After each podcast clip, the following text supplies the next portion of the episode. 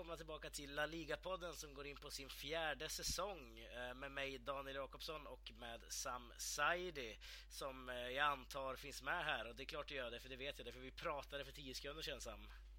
Det stämmer, om jag hade väl varit något internetavbrott om jag hade blivit bortkopplad men jag är här och redo för Ja, är det fjärde säsongen alltså? Ja, det är fjärde säsongen och äh, internetavbrott har ju faktiskt hänt i podden tidigare.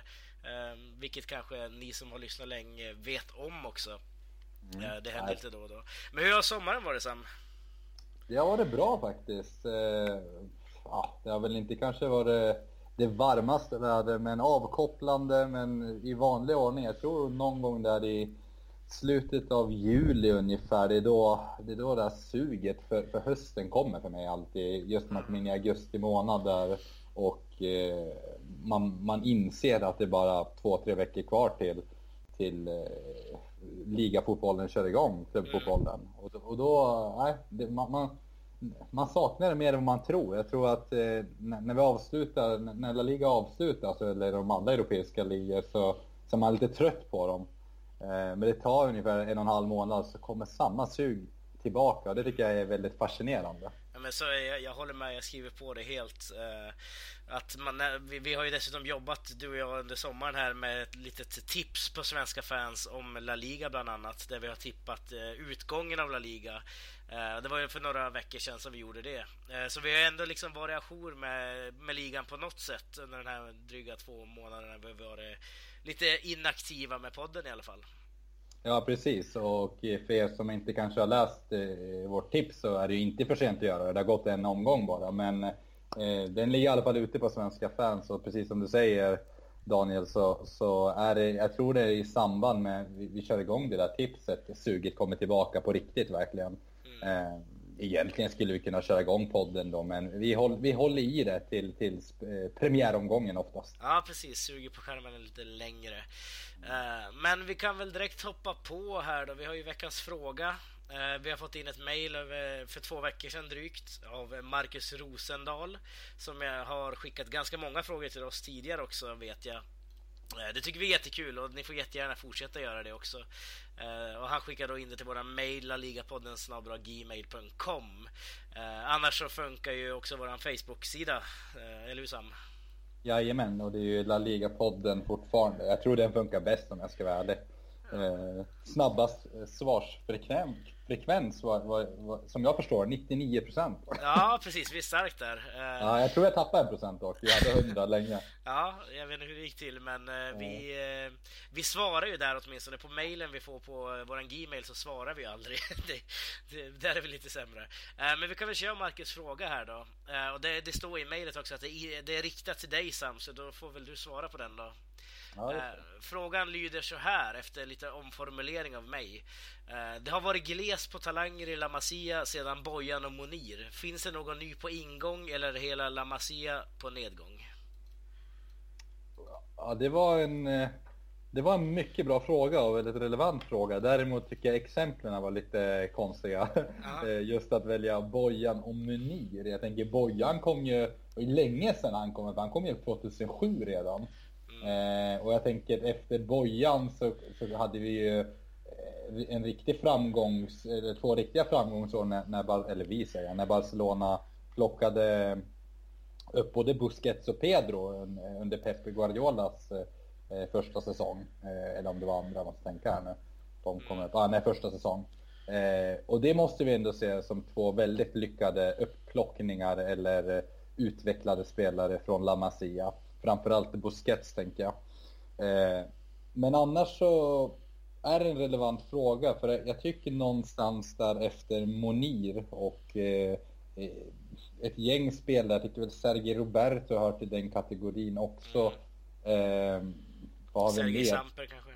Sergej Samper och sen har vi också här om, på senare tid haft en spelare som heter Carles Alenia som har kommit upp och testat eh, för A-laget, eller testat vingarna. Sandro eh, Ramirez har vi. Sandro Ramirez har vi som faktiskt gjorde det bra i, i Malaga förra säsongen tycker jag. Hade en fantastisk match mot Barcelona. Men jag skulle säga att ja, självklart den här 87-generationen med, med, med, spelare som Messi och Piqué och Fabregas. Det var ju länge sedan Barcelona hade en, en en sån kull riktigt. Man trodde väl att 91-kullen skulle, skulle bli någonting utöver det vanliga igen. Då hade vi bland annat Delofeu som har kommit tillbaka nu. Och eh, Thiago som Barcelona på något märkligt sätt har tappat. Men på senare år så skulle jag framförallt säga att de jag, eller idag, som ser mest potential i, då är det väl egentligen Sergej Samper som du nämnde och han är ju född 1995. Och så har vi Carles, eh, Carles Alenia som är född 98 om jag kommer ihåg rätt. Eh, och, och, där tror jag att Barcelona har två juveler som kan utvecklas. Men frågan är om eh, man, man, har ledningen eller organisationen för det. För att Barcelona har ju också förändrats de senaste tio åren minst sagt. Ja, verkligen. Alltså, jag tycker ju en spelare som du nämnde där, Sergio Roberto, är ju egentligen Alltså han skulle ju starta nästan de flesta europeiska klubbarna ute i Europa. Um, ja, det är klart det är europeiska klubbar ute i Europa, men han skulle starta de flesta klubbar tror jag i alla fall. För jag tycker han är väldigt duktig också, Sergio Roberto. Uh, men han har inte riktigt fått det genomslag som kanske många barcelonistas hade hoppats på heller. Uh, och han är väl kanske lite för allround för sitt eget bästa stundtals. Så har jag tolkat i alla fall reaktionerna från Barcelona-publiken. Ja men det, det, håller jag med om. Sergio Roberto är en talang och när han får ut sin talang då är han, man ser drivet med bollen. Jag tänker, jag tror Eh, om vi kommer ihåg matchen från i våras när Messi avgjorde i sista sekunden på Bernabéu. Egentligen är det ju Sergio Roberto som bygger upp hela det anfallet genom att sätta fart från egen planhalva och nästan göra ett solo.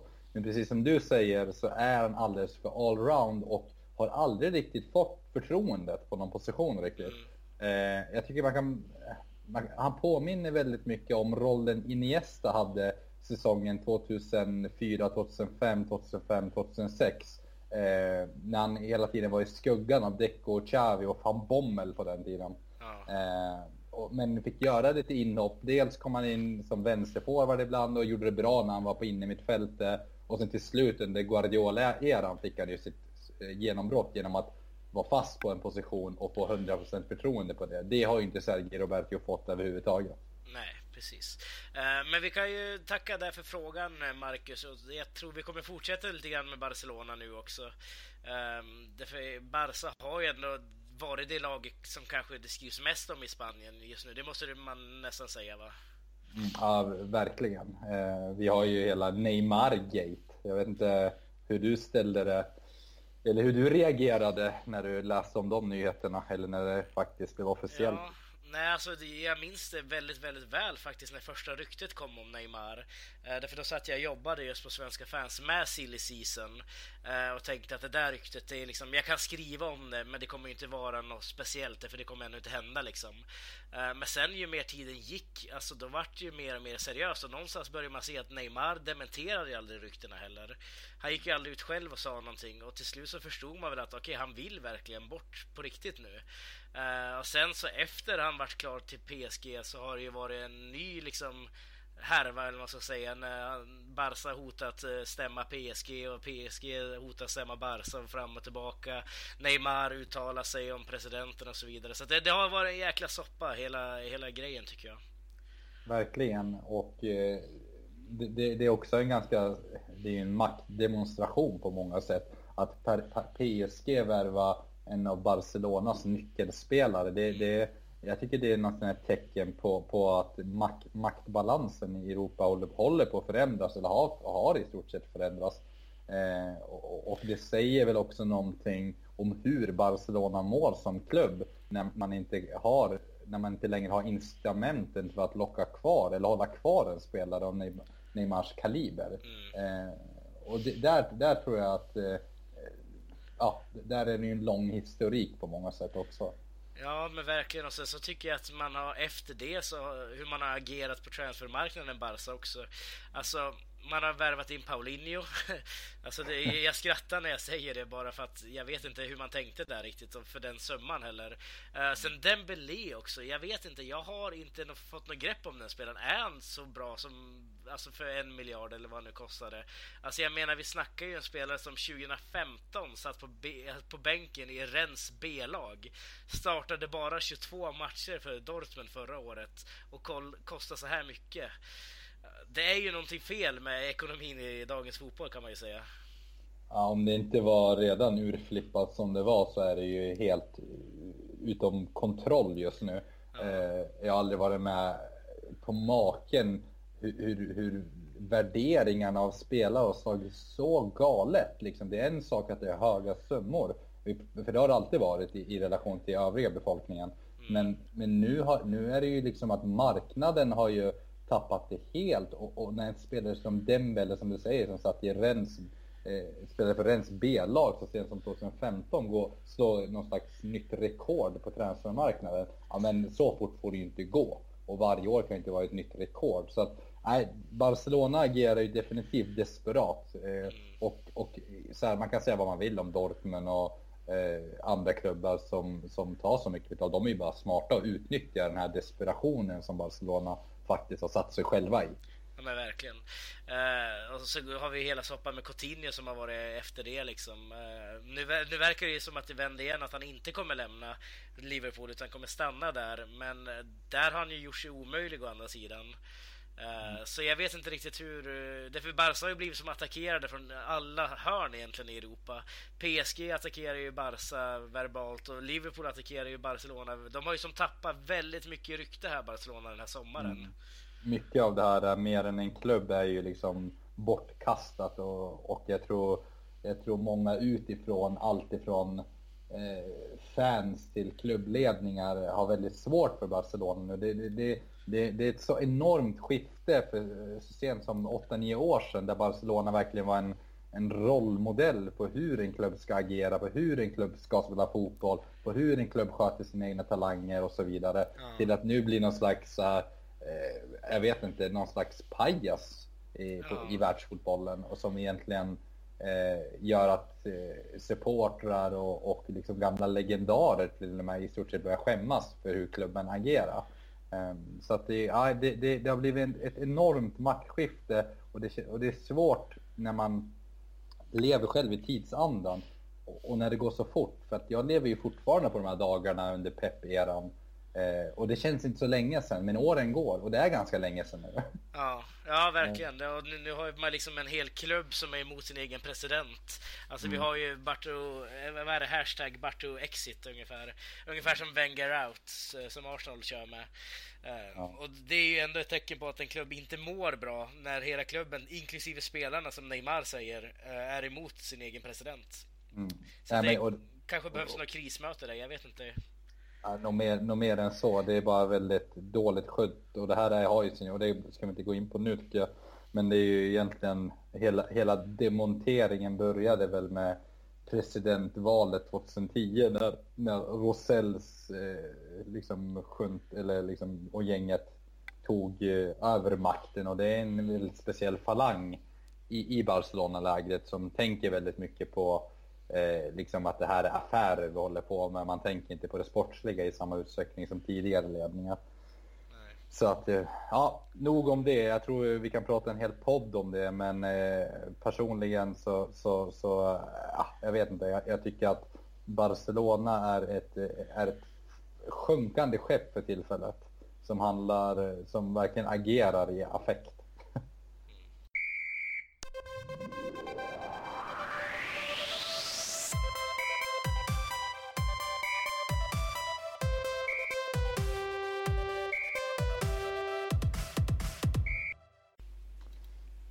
En sak som också illustrerade det här hur, hur Barcelona mår, det, det, får väl vara, man, man brukar ofta jämföra med, med sin nemesis höll jag på att säga, mm. eh, med, med, sin antagonist för att själv kunna bedöma hur man mår. Och eh, där har vi ju faktiskt Real Madrid som å andra sidan mår fantastiskt bra skulle jag säga.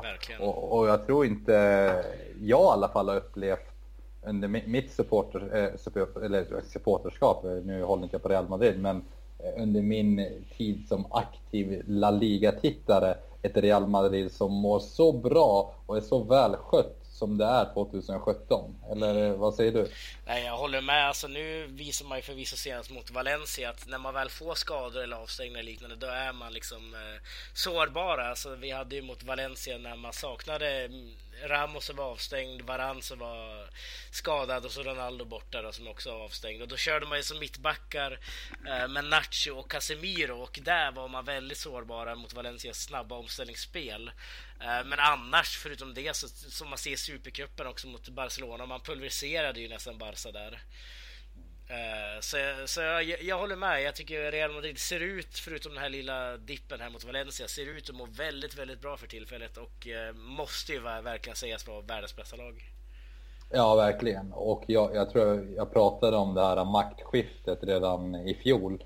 Att, att det, det var första gången, ja, egentligen förra året, jag, jag, jag på riktigt kände att det blivit en, en, en, en riktig liksom, skiftning i, i, i vilket lag som är bäst i världen just nu och vilket lag som är bäst i Spanien.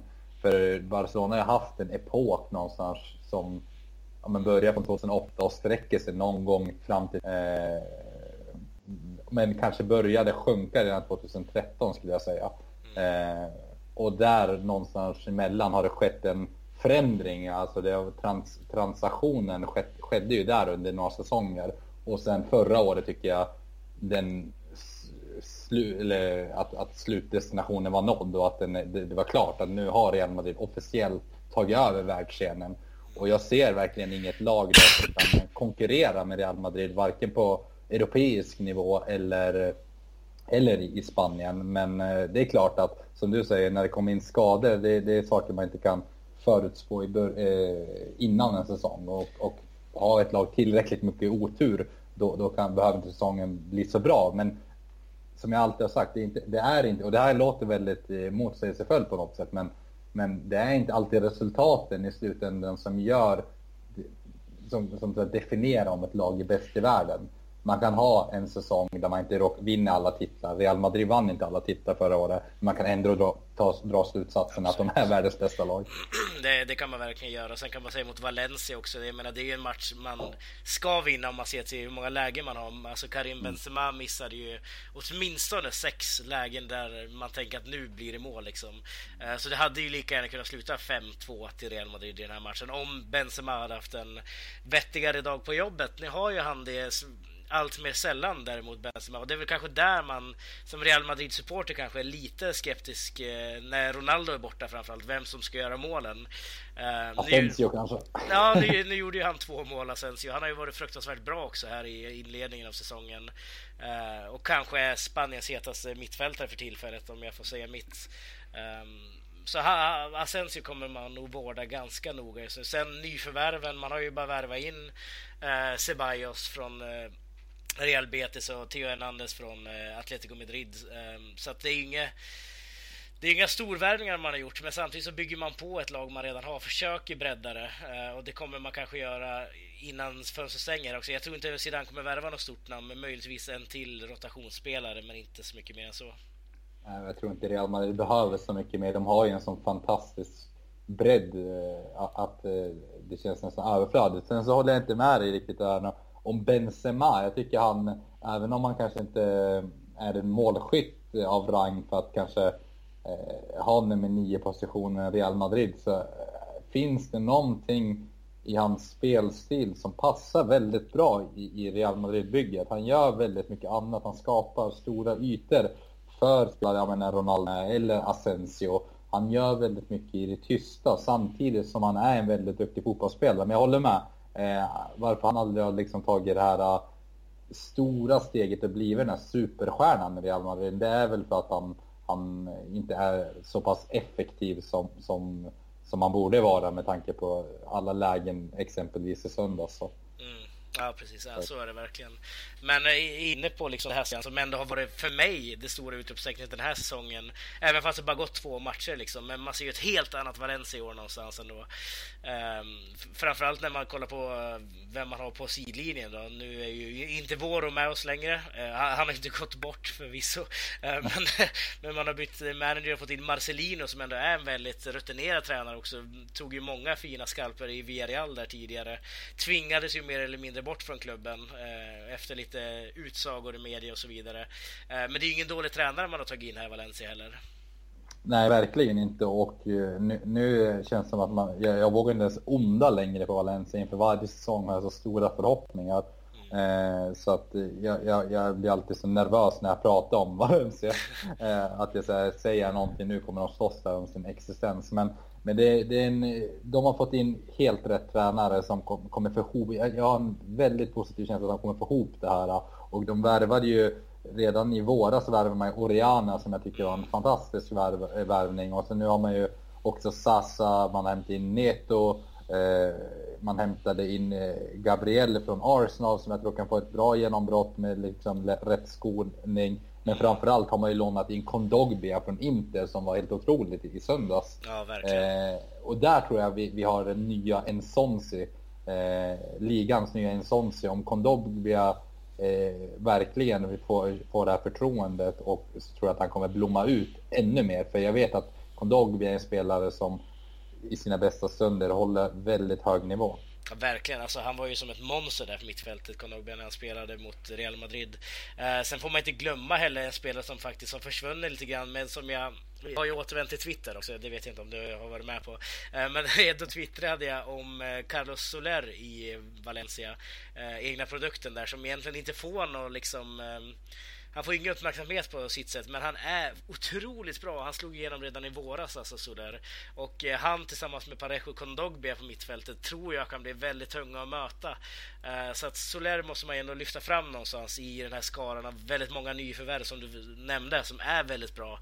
Sen har jag ju lite frågetecken till Sasa där uppe också. Alltså en spelare som i otroligt hög högsta nivå måste jag säga. Då är han ju en av kanske ligans bästa anfallare, topp 10 i alla fall.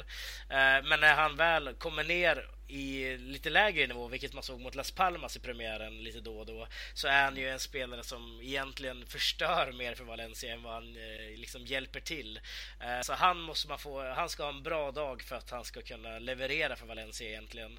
Eh, men å andra sidan, man har ju ingen annan som kan kliva in där eh, just nu. Men jag, jag ser väldigt positivt för eh, framtiden för Valencia i alla fall efter det jag sett på de här två omgångarna. Mm, och nu saknade man ju också i den här omgången så jag vet att det var både du och några gäster i podden som inte var så förtjust i att jag hyllade Nani så mycket som jag tycker i sina bästa stunder var helt otrolig förra säsongen i, i, i Valencia. Men har väl också det här Sasa-syndromet lite att eh, otroligt hög högsta nivå men försvinner all, liksom, i stora, alldeles för stora delar av säsongen. Eh, sen blomstrar han till i någon match och gör något drömmål när han skär in från vänsterkanten. Men jag tror att eh, Nani kommer återigen vara väldigt viktig för, för, för, eh, för Valencia och lyckas man bara få ihop det här kollektivet lite mer och, och få in någon slags alla kämpar för alla eh, mentalitet, då tror jag att Real Madrid, eller Real Madrid, Valencia kommer bli att räkna med igen. För egentligen har de ju truppen och klubben och liksom historiken eller ja. vad säga. För att vara med i toppskiktet. Ja, verkligen. Och sen har ju Mestalla börjat sjunga också igen. Eh, därför det var ju det var mycket bråk där utanför sid eh, utanför planen verkligen med, med klubbledningen och så vidare när man började stänga av massa Valencia-supportrar. Eh, klubbledningen då. Um, men nu då vägrar de ju sjunga supportrarna så de strejkade ju. Men där i, om det var efter en halvtimme eller liknande i premiären mot Las Palmas. Det var ju tyst fram tills dess. Då exploderade hela Mestalla och alla började sjunga till, liksom enade. Och det var ju, man fick ju rysningar när man såg det och det var ju fantastiskt att Valencia har fått ett uppvaknande igen. Och det ja. tror jag behövs för hela, hela La Liga faktiskt. Verkligen. Alltså utan det Valencia har ju varit eh, liksom ingrediensen som saknas för att eh, La Liga ska vara La Liga på något sätt de senaste åren. Mm, så att, eh, det, det, det, håller jag definitivt med om. Sen har jag ju en annan spelare som jag skulle vilja lyfta in Valencia, som jag inte hoppas går dit, men som skulle vara perfekt för klubben. Och det är ju Lucas Perez som sitter på bänken i Arsenal och kommer ju mest troligt att säljas bort nu. Från Valencia och Deportivo är ju där och nafsar och har jagat honom hela sommaren egentligen. Eh, men har inte fått in honom. Eh, mitt kära Depor som just nu står med bara två anfallare, eller egentligen en, Florian Andone.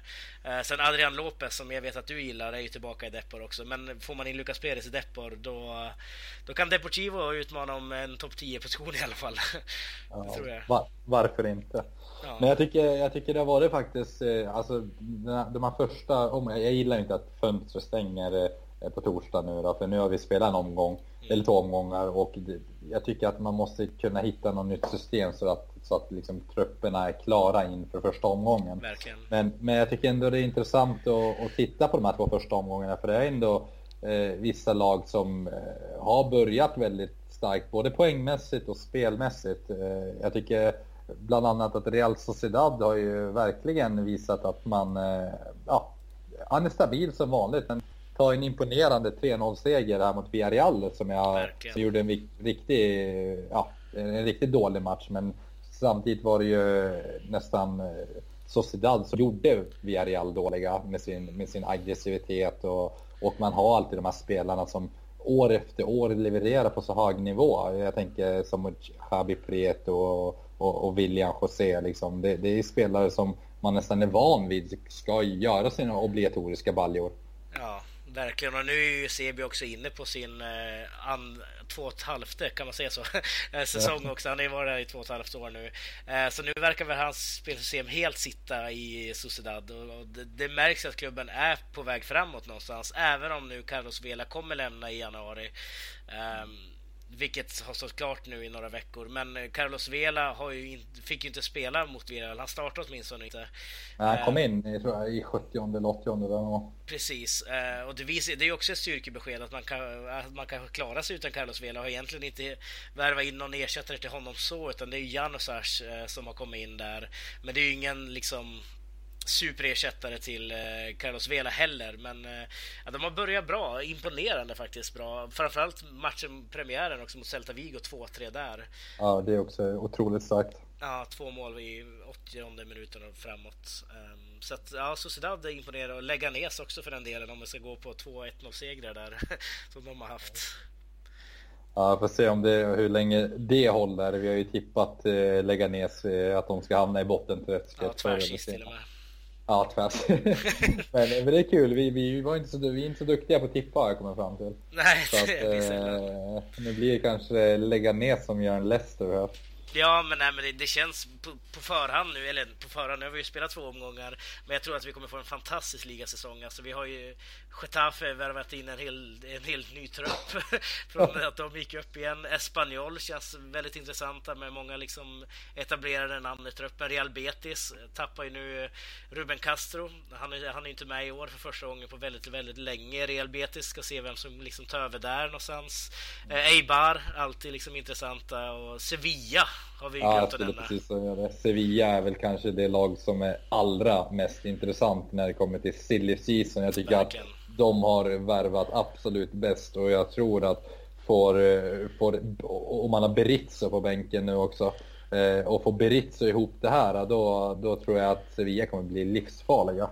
Ja, verkligen. Alltså, man har ju förvisso tappat många spelare, vilket man alltid gör nästan varje säsong. Eh, men ser man på de spelarna man tagit in, alltså, vi pratade ju om det här, eh, om man skulle ha sitt bästa lag och köra fyra mittfältare. Då har vi alltså Jesus Navas högerytter, vi har Enson Si och Banega mitt, inne mittfältare kanske då, och så Nolito som vänsterytter. Alltså om man skulle köra en rak 4-4-2 uppställning så har man ju nästan eh, ett av världens bästa mittfält bara där. Man har ju definitivt ett bättre mittfält än exempelvis Barcelona skulle jag säga för Alla tillfället. Dagar veckan, ja. Alla dagar i veckan. Så att det, eh, det säger väl någonting hur, hur, hur, hög högsta nivå Sevilla kommer ha i år. Eh, och, och, jag tror det kommer bli intressant att följa här med Eduardo Berizzo som jag tror också tar ett väldigt eh, klokt steg i sin karriär. Och det är liksom en win-win både för Sevilla och Berizzo. Och jag ser honom i stort sett som den perfekta ersättaren till San Paulo. Ja, precis. Och det är väl mest intressant där att se hur han kommer ställa upp då. Nu har han ju mest dels kört ungefär som i Celta Vigo då, men mer 4-3-3-aktig eh, formation. Men 4-4-2 tror jag hade varit intressant i Sevilla också. Uh, men uh, vi ska i alla fall stoppa här känner jag, för vi kommer ju hinna snacka väldigt mycket om silly season nästa vecka när det stänger också, eller vad säger du? Jajamän, vi avslutar här. Yeah.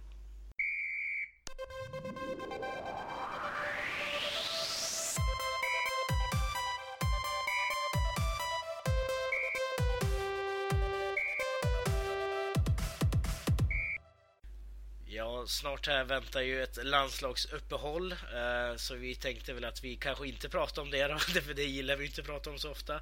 Eh, utan det kanske vi tar upp nästa vecka istället då, nu när det är lite paus i La Liga igen. Vi har ju precis börjat, men det går snabbt här i början eh, av säsongen i alla fall. Eh, men eh, nu förra veckan så lottades ju också Champions League-grupperna efter att eh, våra lag från Spanien har kvalat in och även Europa League. Jag ska se om vi hinner prata om det eller inte. Men om vi börjar blicka mot grupp C i Champions League där vi har Atletico de Madrid tillsammans med Chelsea, Qarabag, om ursäkta uttalet om det var fel där, och Roma. Väldigt tuff grupp ändå måste jag säga för Atletico. Ja, verkligen. Eh, nu kommer det väl stå mellan Atletico, Chelsea och Roma. Eh, men ja, en, en eh, väldigt svår grupp och om inte Atletico prickar någon slags någorlunda god form under hösten och hamnar fel i den här gruppen på något sätt, då, då, då kan man hamna illa ute. Det, det, det, här, det känns väldigt, väldigt oförutsägbart på något sätt. Precis, sen vet vi också hur Atletico brukar kunna vara i sånt här. Man kanske, det kan se tufft ut för dem, eh, men sen så klarar man sig ändå på något sätt eh, vidare. Och ofta vinner man gruppen dessutom, eh, även om man liksom får gneta sig till. Men man kanske tar 1-0 mot Chelsea hemma och så 0-1 borta mot Roma och så blir det 2-2 mot Chelsea borta. Alltså man, man gör ju sådana matcher mot de här topplagen ofta. Eh, så jag tror också att Atletico ta sig vidare ur den här gruppen? Därför det antar jag att du någonstans tror också va? Ja, det tror jag de gör. För man, måste sätta det eh, i ett historiskt perspektiv och, förstå att eh, Atletico de senaste fem åren är ju ett europeiskt topplag helt enkelt. Man har ju varit i final eh, på, på flera år eller vad säger jag, men 2014 och så sent som två år sedan. Mm. Så att det är ju ett lag som egentligen är rutinerade på den här scenen nu. Det, trodde jag, det känns så konstigt att säga det om Atletico för jag har fortfarande den här äh, bilden av Atletico som loserklubben från 2010. eh, så att, men det är liksom, allt förändrades ju med, med Simeones intåg. Så nu nu, jag skulle snarare egentligen säga att Atletico är favoriter. Ja, men det måste man väl ändå säga. Sen har man ju nu... Det har ju inte hänt så mycket där i, under silly season heller för Atletico, förutom att då Vitolo kom i januari. Eh, men man imponerade ju senast i ligan också mot Las Palmas och vann med 5-1 borta. Eh, 2-2 mot Girona då i premiären, men då vet man alltid att när man möter nykomlingar första omgången, sen fick man, eller Atletico också, en utvisad där. Ehm, så man, man vet att det är sådana tuffa matcher som kan hända under säsong och framförallt i första omgången. Liksom. Eh, mm. Men jag tror inte att Atletico ska vara superoroliga. Även om det är en väldigt, väldigt tuff grupp så tror jag att man eh, fixar det där. Ja, det blir väl mer intressant att kolla på, på nästa grupp då. Om det är grupp D tror jag det var Barcelona mm. hamnar i. Men, och det är också en ganska intressant grupp. Jag tänker Juventus, fantastisk match eh, det kommer bli igen en eh, repris sen i kvartsfinalen i våras. Ja. Ehm, och sen har vi ju Olympiakos och Sporting och det här är väl både Olympiakos och Sporting känns ändå som liksom två stabila Europalag på något sätt. Mm. Ehm, de har dels en, en klubborganisation som har varit med i Europa länge och eh, man lever fortfarande på de här legendariska historierna med Grekland borta. ja, lite borta. så. Nu, nu är det inte så tufft längre det känns som. Eh, det får vi skylla på den ekonomiska krisen. Men, men eh, det är klart att sport, Sporting och portugisiska lag överlag har ju alltid har ju alltid klasslagen och, och alltid liksom portugisiska ligan håller en hög kvalitet. Så, så gör man jobbet, det är klart att både Sporting och Olympiakos med, med, med rätt dag på jobbet kan slå Barcelona och Juventus. Men sen i, i, så ska ju både Barcelona och Juventus ta sig ur den här gruppen. Sen vem som kommer etta och tvåa, det, det, det, vet jag inte riktigt. Nej, jag trodde du skulle flagga här i, i Olympiakos också för Karim Ansarafard, iranien där, eh, som jag själv inte har så bra koll på. Det är säkert jättedåligt uttal där också. Eh, men nej, skämt åsido. Nej, men jag, jag tror också att Olympiakos kommer eh, kunna störa, åtminstone på hemmaplan. Därför det, det är ju en, lite av en myt kanske att de ska vara starka hemma, men samtidigt så är de ju betydligt bättre hemma än borta också. På Camp Nou så tror jag man som Barcelona-supporter kan känna sig lugn och kanske städa av Olympiakos någorlunda enkelt också. Eh, men Sporting Lissabon vet vi också är ett lag som ofta utmanar och de har ju gett Real Madrid några tuffa matcher tidigare liksom. Så. Ja, det var väl så sent som förra året. Jag tycker Sporting ja. egentligen borde ha slagit Real på Bernabéu så bra som de spelade. Ja, det beror lite grann på också om William Carvalho blir kvar där på mittfältet för Sporting Lissabon eller inte också. Eh, beroende på hur, hur heta de kommer tolkas inför, eh, inför Champions League-säsongen. Men där tror jag annars att Barca, Juventus går vidare. Sen vem som slutar etta eller tvåa, det är väldigt för tidigt att säga känner jag. Mm. Ja, men spontant så känns det väl att bara Juventus mår bättre än Barcelona, men ja, jag vet inte, Barcelona, nu gör de ju, alltså, får vi se hur värvningen landar och det, det, är ett väldigt, eh, ja, det, Barcelona är som ett tomt blad. Det kan stå både åt alla håll känns det som. Ja, precis. Sen har vi då grupp E med liksom Sevilla då. Eh, som någonstans har en förbannelse över sig när det gäller Champions League. Nu tog man sig vidare i fjol men åkte ut mot Leicester istället i slutspelet. Ja. Eh, så de har ju revansch att kräva och egentligen så om man ser till gruppen i år för Sevilla och jämför med förra året och för året innan det liksom, så har man ju en drömgrupp nästan nu Sevilla. Ja, eh, nu är det, det är väl bara Liverpool, eh, möjligen Spartak Moskva då, men eh, Maribor kommer ju de städa av, men jag tror också Spartak Moskva i slutändan kommer ha någonting att liksom, slå mot, mot varken Sevilla och Liverpool. Och jag tror Sevilla och Liverpool kommer göra jobbet i den här gruppen. Sen kommer de ju slåss om eh, första platsen och det tror jag kommer bli väldigt intressant match. Liverpool är ju fantastiska just nu tycker jag och har ju verkligen eh, blivit och det har ju du koll på som mm. gammal Liverpool-supporter eller säga. ja, det måste man väl säga. Ja, nej men eh, Klopp har väl fått ihop det där någorlunda ändå. Ja, något, jo absolut. Det hänger helt liksom på vad Coutinho gör nu nästan. Eh, om han stannar eller inte. Men man har ju klarat sig bra utan honom här i säsongsöppningen, Liverpool. Eh, men Sevilla har ju annars egentligen, de har inte haft det lätt för Liverpool kan man säga, men de brukar ofta vinna när de möts de här två lagen, som i Europa League-finalen nu för två år sedan. Eh, eller egentligen för, för ett år sedan blir det då, i eh, 2016, maj 2016 eh, så vann ju Sevilla ändå hyfsat enkelt mot Liverpool efter att Liverpool gjorde en fruktansvärt dålig andra halvlek kan jag minnas den gången. Eh, och de möts ju också i första matchen Liverpool och Sevilla i Champions League så att eh, ja, jag tror att den matchen kan sätta tonen för den gruppen i alla fall. Men Sevilla ska nog ta sig vidare här ändå och jag tror också att man vinner gruppen något poäng före Liverpool. Mm. Ja, det, det, kommer bli härliga matcher. Jag tror det, det, kommer bli fantastiska matcher mellan Liverpool och Sevilla framförallt. Mm, verkligen. Sen har vi sista gruppen. Vart har vi dem då? Vi har Real Madrid såklart, de regerande mästarna som fick en, ja, vad ska man säga, rimlig grupp. rimlig grupp, ja. Men det är ju, ja. det är en grupp alltså, om vi går igenom då. Det är ju Apoel från Cypern, Borussia Dortmund och så Tottenham då. En grupp som man eh, om man ser till Tottenham som aldrig levererar i Champions League heller. De påminner lite grann om Sevilla där.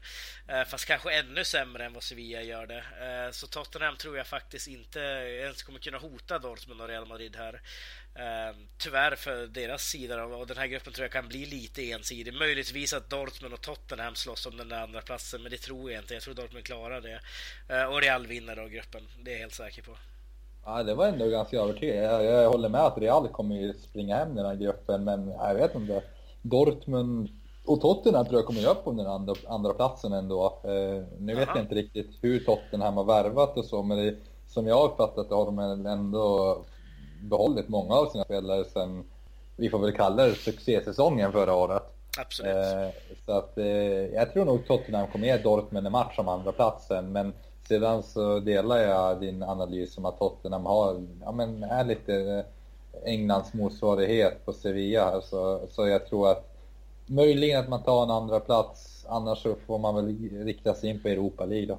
Ja, det är också att se lite grann. Man har egentligen bara värvat in Davinson Sanchez i Tottenham den här säsongen. Sen mm. har man inte, man har inte öppnat plånboken överhuvudtaget. Eh, det var ju mycket snack om Danny Rose när han uttalade sig att varje gång Tottenham köper en ny spelare måste han googla spelaren eh, efteråt. För han vet inte, vet inte vilken hans nya lagkamrat är. Och sen dess har inte Danny Rose spelat heller. eh, så det var ju lite dumt uttalande kanske. Men det, och sen så tänker jag att Tottenham har ju öppnat dåligt också i Premier League. Så jag, jag, jag är lite skeptisk till dem i den här mm. säsongen. Men vi kan i alla fall enas att Real Madrid kommer ju springa hem den här gruppen och frågan är ju liksom när vi ändå är inne på Champions League, vad, vad har vi för lag som kan utmana det här Real Madrid? Alltså just nu pekar ju det mesta på att det här är ju laget som kan bli, de är redan historiska, vunnit Champions League som första lag två gånger i rad och nu tänker jag att det, det är ju nästan allt pekar ju på att det här är ju en enorm möjlighet för Real Madrid att vinna Champions League tre år i följd. Med tanke, med tanke på den bredden laget har och med tanke på liksom balansen i laget kontra de övriga storklubbarna i Europa som jag tycker inte liksom har hängt med utvecklingen på det sättet, alltså Real Madrids utveckling på samma nej, sätt. Nej, jag, jag håller med dig. Jag, jag, ser också Real Madrid som storfavoriter inför den här Champions League-säsongen. Eh, sen så kan, kan det finnas de här liksom obvious, eller vad ska säga, liksom uppenbara eh, som kan utmana. Det är ju bara Bayern München, det är PSG som har värvat Neymar och så vidare. Barcelona, Juventus. Det, de är självklara att de kommer vara där och slåss. Eh, Atletico Madrid förstås. Eh, men sen så finns det de här outsiders som inte är lika uppenbara. Som i, om någon ska kunna slå ut Real Madrid så tror jag faktiskt att det är en sån där outsider. Exempelvis eh, Real Madrid kommer till Anfield i en kvartsfinal. Alltså där vet man inte riktigt vad som skulle kunna hända. Nej, det, det, tycker jag, det håller jag med om. Det skulle faktiskt vara en sån här outsider som, ja men till och med Chelsea skulle säkert på något sätt ja, men, kunna trockla sig förbi Real Madrid. Men ja, det skulle väl vara någon sån, sån så här, uh, oförklarliga matcher som, som är, alltså jag tänker på när Chelsea slog ut Barcelona 2012. Det är liksom det mest oförklarliga uh, liksom dubbelmötet jag varit med om ja. i fotbollens historia, det får säga. Ja. Men det, ja, kanske det är en sån match som behövs för att egentligen det känns som att när man möter Bayern München eller PSG, då, då, då vinner Real Madrid. För ja. att spelarna är på tårna, de är bättre lag än alla de där lagen. Och det, det, som är lite tragiskt på många sätt, det är väl att det enda laget som jag känner rent kvalitetsmässigt fortfarande ändå kan slå Real Madrid, ja, men det är väl typ Barcelona och Bayern München fortfarande. Mm. Eh, som båda lagen känns på nedgång. Bayern som har en väldigt åldrande trupp där den här eh, superduon Robben Ribéry inte håller samma nivå. Nej. Och Barcelona mår ju riktigt dåligt. De är inte alls samma lag längre. Nej. Men de måste bara få en bra dag på jobbet just när de möter Real. Ja, och jättekort ska jag bara komma, komma på en till som jag faktiskt tror skulle kunna rent taktiskt slå ut eh, Zidans gäng och det är ju Manchester United. Alltså José Mourinho. Ja, eller i och för sig, vi glömmer väl Manchester City här också. ja, du ser, det finns ju vissa av Sveriges. Inte Arsenal däremot, de är ju inte med. Nej det är de inte. men, jag, men jag, också. jag, jag, undrar om det är någon sån här liten, eh, en klubb som är strax under toppen. Vi har, jag tycker man kan dela upp toppen i tre skikt. Real Madrid är på, på, sin egen nivå på något sätt. Och sen har vi Barcelona, Juventus eh, och Bayern strax, och PSG strax nedanför. Sen kommer de här brittiska lagen. Mm, ja men det är lite så indelningen ser ut tror jag. Ja. Uh, men du, jag tror tiden börjar rinna iväg helt grann för oss. Men jättekort bara tänkte jag att vi måste också säga att det är lite kul för svensk del att vi får se Östersund mot Athletic Bilbao. Uh, så alla som gillar spansk fotboll, köp biljetter och åk och se Östersund Athletic Bilbao när de spelar i Östersund på deras arena, vad heter det nu, Jämtkraft Arena va? Eh, det tycker jag man ska göra, för där kan man se liksom Iñaki Williams och Adus grabbarna springa runt. De kanske inte får spela förvisso då, Vils kanske. Men... Bisarrt när man tänker på hur fotbollen kan vara ibland. Ja, verkligen. Men det är kul, jag håller med. Ja, det är skitkul. Ja. Ska vi tippa då? Det är ju som sagt inga La Liga nu i eh, helgen. Utan vi får ju då njuta eller lida, beroende på hur man ser det, eh, av landslagsfotboll. Då. Men det är ju ingen dålig match som väntar heller å andra sidan. Nej, Spanien-Italien va? Ja, Eller Italien-Spanien? Nej, Spanien-Italien. Nej, Spanien-Italien. Mm. Ja, vad tror vi? Ja, börja du. Ja, jag, jag tror att spanjorerna tar det där med en 2-0 seger faktiskt. Ja, 2-0 till och med. Ja, jag, ja. jag är ju inne på att det blir eh, något liknande. Jag tror också Spanien vinner. Eh, man har ett bra läge där i VM-kvalgruppen också att liksom säkra nästan mer eller mindre ett avancemang vid seger här. Eh, så jag säger väl 2-1. 2-1. Asensio va? Asensio, alltid. han är het nu. Ja, han är het. Han, han kan göra mål tror jag. Ja, sen hörde jag någonstans att David Villa skulle vara tillbaka i truppen också. Jag vet faktiskt inte hur det ligger till Nej, med det. Jo, han gick, jag såg att Iniesta hade uppdaterat någonstans på några sociala medier och skrev El Guache is back. ja, skönt av Det säger väl lite hur, det är allt sjukt när man tänker på det. Ja. Villa, typ. ja, det var Kul! Ja, Nostalgiskt. Verkligen. Uh, ska vi köra din lista då?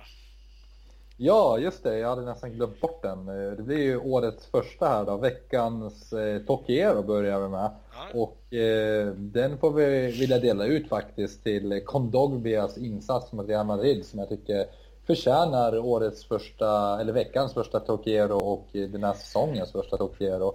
En otroligt bra insats. Eh, åt väl upp mittfältet mer eller mindre, ja. höll jag på att säga. Nej, men han blev väl tillbaka tryckt av, av både Kroos och Modric, men stod upp väldigt bra och var en gigant stundtals. Vi får kröna det med ett fint mål också. Så att eh, Kondogbia får ta säsongens första Tokiero. Mm, det kan jag hålla med om.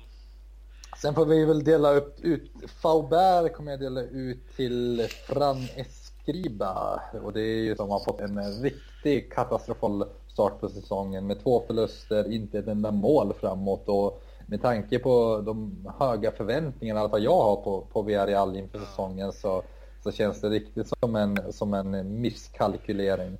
Och eh, Skriba är huvudansvarig och tar därmed första Faubert för året. Ja, absolut. Jag hade kanske delat ut den då till Ivi Lopez, eh, anfallaren i Levante som filmade till sig straff för 83 som gjorde att Depor tappade sina tre poäng och fick nöja sig med 2-2. Ja, men Depor då? Hur går det för Depor här nu då? Jag har tappat. Nej, torskade ju mot Real Madrid i premiären och så kryss nu då mot Levante. Ledde med 1-2 till 83 och där filmade Ivi Lopez som ersatte Ivan Lopez, eh, vilket är lite roligt. Eh, och då var det 2-2. Ja, det kommer. Depor kommer tillbaks. Absolut, det gör vi alltid. Ja. Ja. Men då så, då kan vi runda av här då. Uh, och så är vi tillbaka nästa vecka förhoppningsvis om ingenting annat händer. Uh, och jättekul att ni lyssnade tillbaka också. Det var ju ett tag sedan vi körde ändå. Ja, verkligen. Och eh, likea oss på Facebook. Vi uppdaterar där och lägger upp avsnitten där och sen finns vi på både podcast eller ja, vilken podcasttjänst ni nu använder. Ja precis, jag som använder Android har ju någon annan specialvariant som jag aldrig sett förut. När jag, jag hade iPhone, då hade jag ju podcaster, men nu är det någonting annat. Eh, ja. Men våran podd finns där, det vet jag, det har jag kollat upp. Ja, jag, på, jag tror jag kör uh, Repod, Podcast Republic eller någonting. Okej, okay. ja men då så. Ja. Uh, men vi tackar för oss så hörs vi nästa vecka. Ciao! Ja. Ciao!